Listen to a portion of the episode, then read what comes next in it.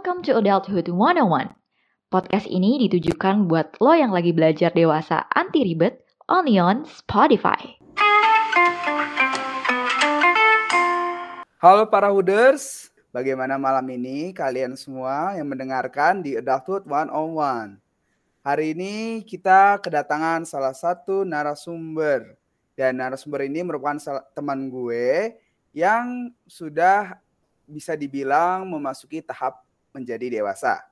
Dan untuk topik podcast hari ini kita akan mengungkit tentang masalah percintaan. Oke, kita kenalan dulu aja ya.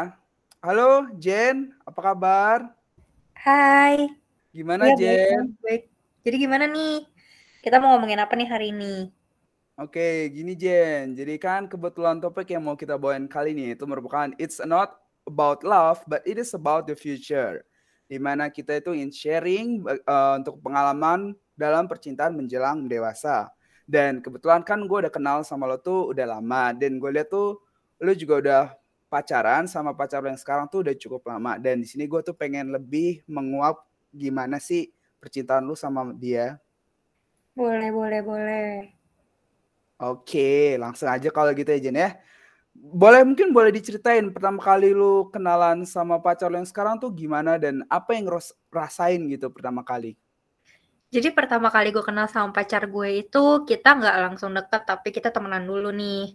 Jadi posisinya gue sama dia sama-sama punya pacar waktu itu dan kita ya udah happy sama pasangan masing-masing.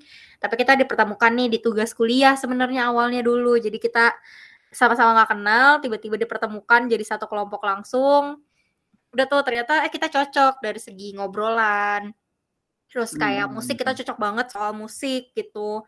Dan bercandaan hmm. kita dapat gitu. Jadi dia dikonsider sebenarnya sama uh, jadi orangnya pendiam banget. Tapi entah hmm. kenapa sama gue itu uh, ya dia bawel terus jahil banget kan. Dan kita tuh dekat karena kita juga suka gosip berduaan gitu. And then setahun kemudian gue sama dia sama-sama putus dari pasangan kita masing-masing. Uh, dan mulai tuh akhirnya kita dekat perlahan gitu. Se sebenarnya sih jadi teman baik dulu ya awalnya karena memang ya uh, teman gue tuh laki-laki semua gitu dan gue sebenarnya tidak merasa kalau misalnya uh, kalau jalan berdua sama laki-laki tuh sebenarnya pacaran gitu tapi entah kenapa ternyata saat itu tuh sebenarnya dia udah PDKT-in gue gitu jadi ya mulai dari situ sih jadi dari temenan dulu akhirnya kita deket kita kenal dan akhirnya kita merasa cocok satu sama lain dan kita merasa asik aja gitu kalau kita pacaran itu sih.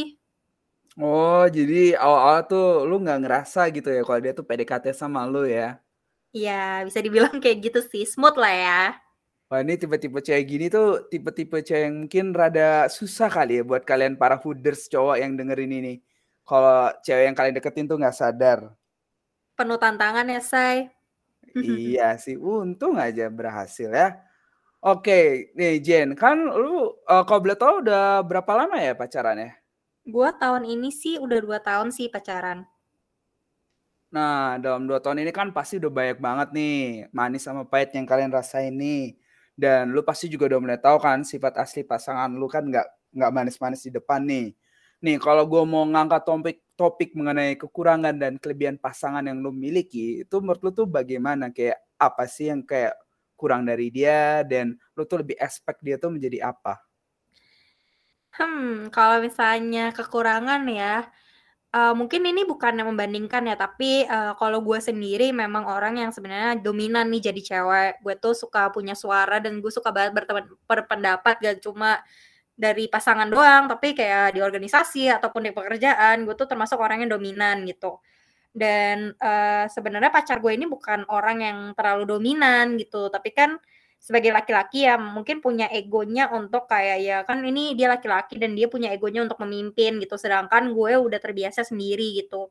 Dan mungkin sih kalau misalnya gue di uh, di percintaan gue yang lama gue selalu pacaran sama orang tuh yang jauh lebih tua dari gue karena gue tuh selalu pengen dimengerti Nah, sekarang gue tuh baru pertama kali sebenarnya pacaran sama yang seumuran, jadi mungkin kita rada kaget sih. Jadi kayak dengan culture dan juga ekspektasi yang berbeda-beda nih. Mungkin ekspektasi gue ke dia adalah ya gue pengen dibimbing atau gue pengen kayak uh, apa ya delete ke sesuatu gitu sedangkan dia juga sebenarnya ada di fase yang sama kayak gue gitu belum tahu nih mau mencari apa jadi ya rada sulit sih di situ pertama jadi ya masih ada egoisnya masing-masing lah. Mungkin karena kita seumuran juga dan kita juga baru mulai dewasa ya. Karena kita juga baru lulus kan. Jadi masih Hmm. mencari uh, kita tuh sebenarnya pengen jadi apa? Ke depannya mau gimana gitu. Bukan uh, seperti mungkin yang lalu-lalu kayak ke depannya gue udah melihat nih gue udah bisa jadi apa gitu. Pasangan gue bisa jadi apa gitu. Sekarang mungkin masih abu-abu karena kita juga masih sama-sama mencari gitu. Jadi ekspektasi gue sama uh, perlakuan dia ke gue tuh nggak apa ya nggak ketemu gitu. Jadi kalau dia tuh suka menghabiskan waktu karena dia juga introvert dia juga sering kayak pengen tuh menghabiskan waktu ya di rumah aja gitu main game. Sedangkan kalau gue tuh uh, gue suka banget explore new things gitu. Jadi gue suka banget jalan-jalan gue suka banget pergi ke mana ke mana dan dia tuh sebenarnya nggak terlalu suka gitu. Jadi sebenarnya itu sih maksudnya kalau misalnya di, uh, dibilang kalau misalnya kekurangan ya bukan sebenarnya bukan kekurangan yang perlu di apa ya dihindari ataupun kayak yang gue sebel banget juga enggak sih cuma memang ekspektasi dan realitanya dari kita berdua tuh kadang-kadang tidak bertemu gitu tapi kelebihannya sih gue melihat dia mencoba sih untuk menyamakan ekspektasi ekspektasi yang gue punya dengan realita re, realita yang bisa dia lakukan gitu. Oh, oke oke. Jadi imbang lah ya kalau bisa gue bilang tuh kayak dia introvert dan lu ekstrovert jadi kayak saling menyimbangi lah.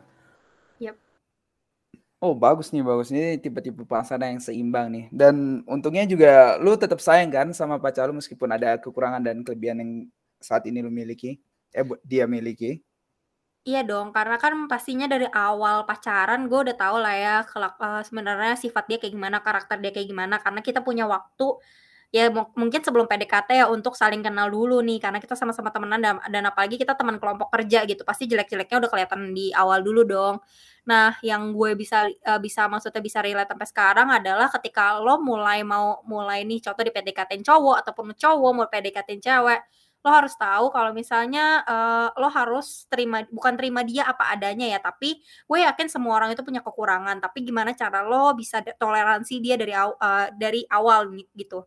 Karena gue yakin sifat orang itu tidak akan bisa lo rubah gitu. Lo siapa gitu kan?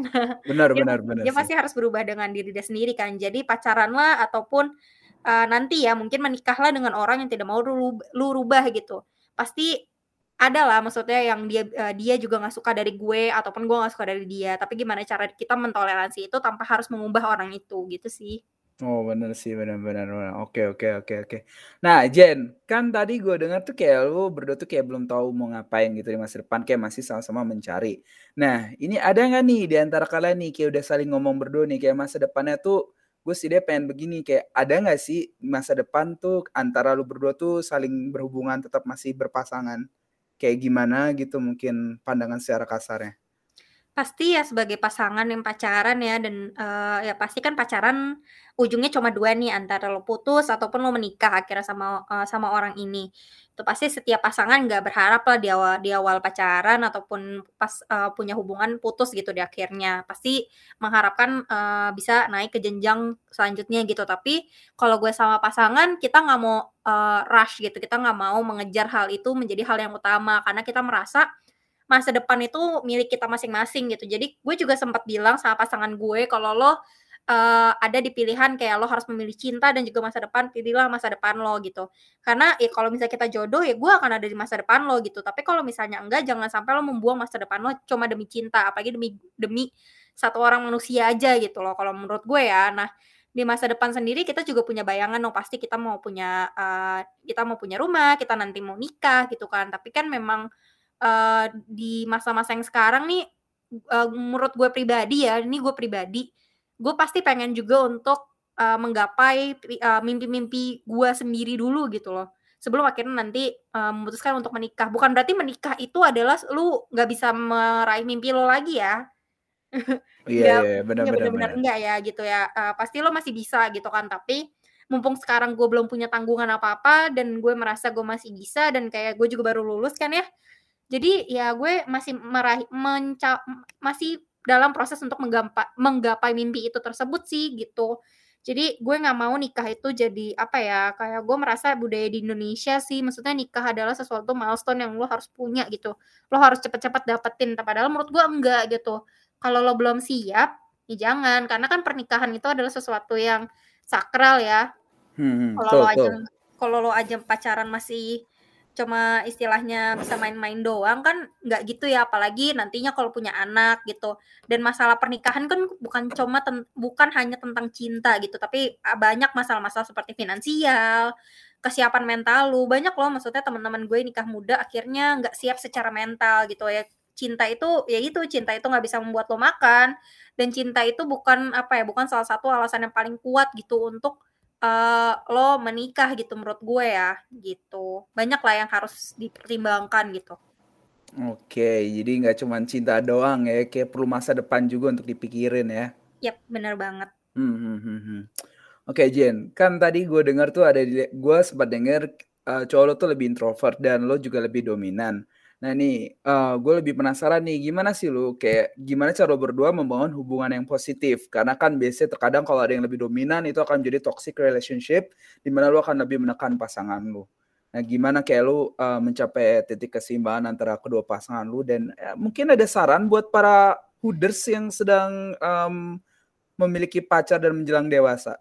Ya pasti banget nih uh, ya awal-awal emang uh, bukan toxic sih, tapi emang kita suka, uh, suka berantem gitu. Karena yang tadi gue bilang ekspektasi gue tuh tinggi terhadap pasangan gue karena gue merasa gue adalah orang yang bekerja keras dan gue mengharapkan uh, orang pasangan gue itu uh, adalah orang yang mirip gitu loh ekspektasinya segua tapi kan kita juga tidak bisa menyamakan ekspektasi kita sama semua orang ya gitu kan. Pasti uh, apa contoh? Contoh nih ya kayak ya gue pengen jadi kaya. Tapi kan kayak menurut gue dan lo itu berbeda gitu jadi kalau buat gue ya biar kita nanti membangun hubungan positif, pertama kita harus ngomongin ekspektasi dulu uh, kita dulu ke pasangan kita. Kita mau nih uh, kayak pasangan kita tuh jadi apa, jadi kayak gimana gitu.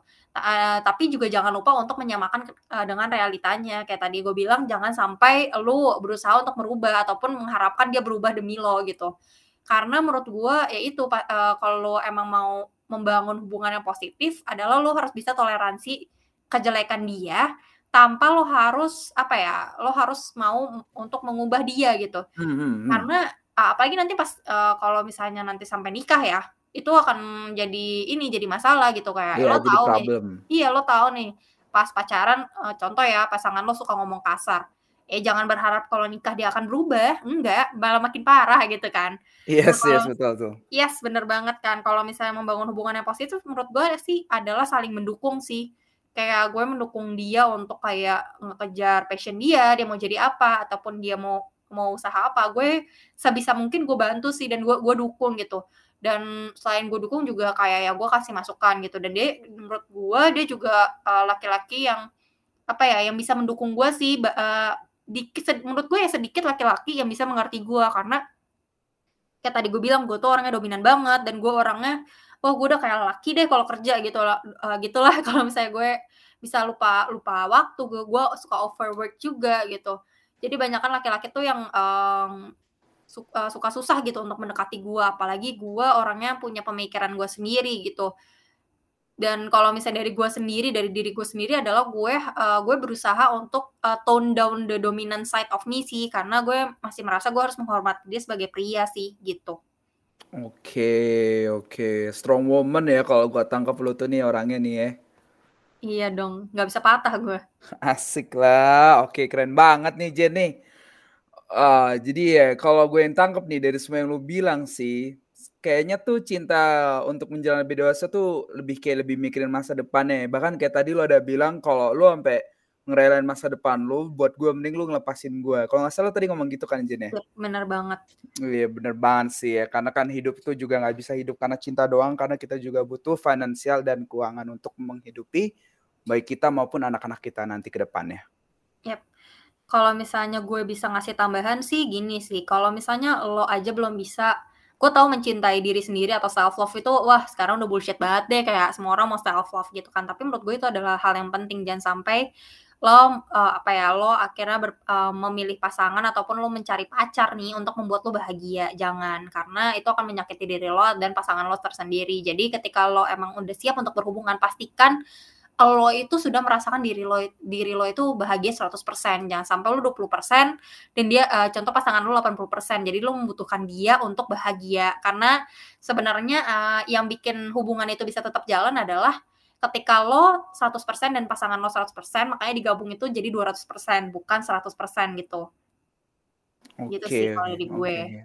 Bener sih, bener banget sih Jen sih emang banyak banget sih zaman sekarang tuh orang-orang yang uh, belum memiliki self love jadi ya bisa berujungnya jadi toxic relationship sih kalau bisa gue bilang.